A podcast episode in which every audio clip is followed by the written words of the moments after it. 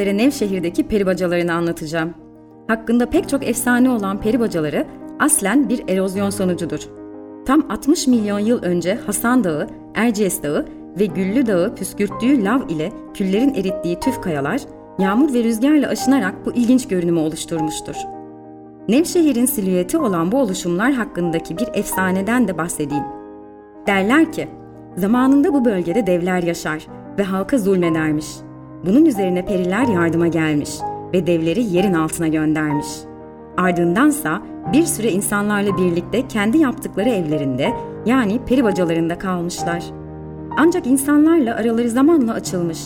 Gitmek de istemediklerinden her biri güvercine dönüşmüş. Bugün peri bacalarının etrafında sürekli bulunan güvercinler de aslında evlerinden hiç ayrılmayan perilermiş.''